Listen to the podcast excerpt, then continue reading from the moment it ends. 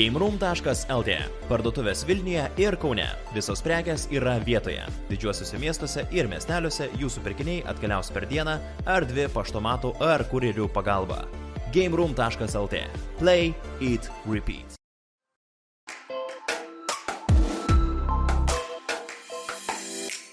Kaip vienai didžiausių šių laikų franšizijai Harry Potteriui žaidimų pasaulyje neteko labai pasireikšti. Žinoma, turėjome pakankamai licencijuotų žaidimų.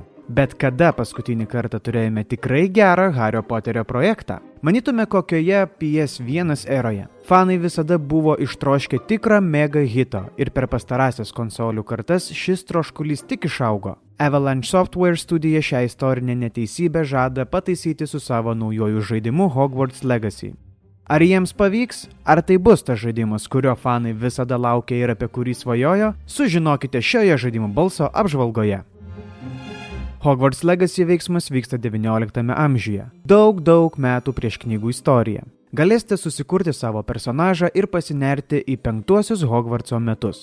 Kaip ir galima tikėtis, jūsų personažo išvaizdą rinksitės patys. Įdomesnis elementas yra, kad galėsite savo veikėjo balsą padaryti aukštesnį ar žemesnį, bet mes to nerekomenduojame, nes rezultatas bus panašus į sintetinę kopiją, o ne į natūralų įgarsinimą. Žaidime rasite visas klasikinės franšizės dalis. Galėsite išsirinkti, į kokį fakultetą pateksite. Susikursite savo burtininko lasdelę ir turėsite galimybę skrajoti su šluota. Tačiau negalėsite turėti savo nuosavo augintinio. Tai daugmaž yra estetinis pasirinkimas, bet nuo pasirinkto fakulteto gausite vieną ar kitą išskirtinį questą. Tad jei norėsite, galėsite gyvendinti visas savo vaikystės svajones apie burtininkų mokyklą.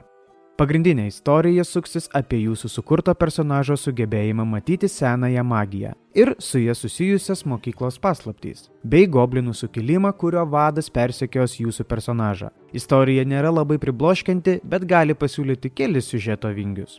Pati žaidimo mėsa slypi pasaulyje ir jame gyvuojančiuose personažuose. Pastarųjų yra daug, bet tik keletai yra suteikiama gilesnė asmenybė. Tačiau tai, ką turime, yra labai žavinga ir džiugina. Šie veikėjai bus mokytojai, klasiokai ir kiti asmenys, su kuriais susidursite ne kartą.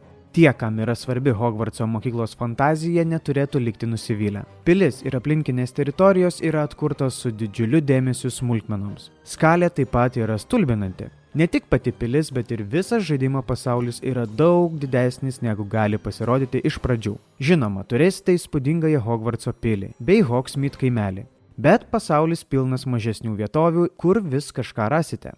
Kaip moksleiviui teks dalyvauti ir pamokose, bet šios yra kelios pamokos saujelėje klasių. Laikas žaidime praktiškai neegzistuoja, tai galėsite blaškytis ir klajoti kiek tik norėsite. Visą laiką bus užduotys - pagrindinės ar šalutinės bet laiko spaudimo nejausite ir tokių gilesnių simulacijos elementų dėja bet nerasite. O ko veikti žaidime, tai ojojoj kiek daug. Vos ne iki pačios žaidimo pabaigos vis atsirakins kokia nors nauja veikla. Yra begalė šalutinių užduočių, dauguma yra pavienės, kurių kokybė sviruoja, bet turėsite ir užduočių, kurios vystosi viena į kitą. Pastarosios beveik visada įvels vieną iš pagrindinių šalutinių personažų. Tyrinėdami viską nors surasite, Tai kokią paslaptį ar kokią pasaulio detalę. Daugiau ar mažiau, bet visada bus įdomu surasti, kas slypi už kampo.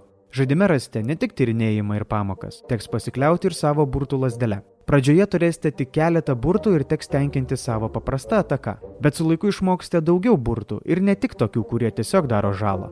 Turėsite tokių, kurie jūsų priešininkus pakels į orą ar pritrauks prie jūsų. Pradžioje galite pagalvoti, kad pajutėte kovos sistemos limitus, bet kai papildysite savo arsenalą, matysite visai kitokį vaizdą. Kombo atakos bus jūsų darbo duona. Pavyzdžiui, turėsite liepsnos ataką, bet jį veikia tik labai artimo atstumu.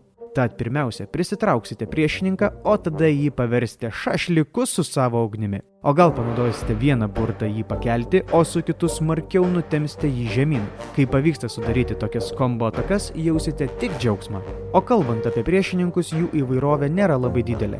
Vilkai, vorai, tamsieji burtininkai, goblinai ir keli kiti egzotiški gyvūnėliai. Tiesiog susitaikykite su faktu, kad matysite vos ne tuos pačius priešininkus ir gan greitai pasibaigs jų naujovės. Iš techninės žaidimo pusės ant konsolių turime standartinius FPS rezoliucijos režimus. Kaip visada balansas yra geriausias pasirinkimas. Patyrėme porą FPS dropų, bei pastebėjome mikrokrovimo laikus paklojodami po pilį. Tai reiškia, kad teks šiek tiek palaukti, kol durys atsidarys. Taip pat dažnai susidurėme su problema, kai nesame informuojami apie naujai gautą laišką. Šios problemos kuriejams yra žinomos ir tikėtina, kad jos bus pataisytos artimiausių metų. Hogwarts Legacy yra tikras meilės laiškas visiems Hario Poterio gerbėjams. Tai yra tas žaidimas, apie kurį visada svajojate. Tiesa, iš Open World pusės jis nieko naujo nepadarė ir yra tiesiog standartinis atstovas. Bet ką šis žaidimas daro, to ir užtenka. Žaidimą rekomenduojame visiems žaidėjams, o franšizės fanai, jei dar neįsigijote, ko laukite?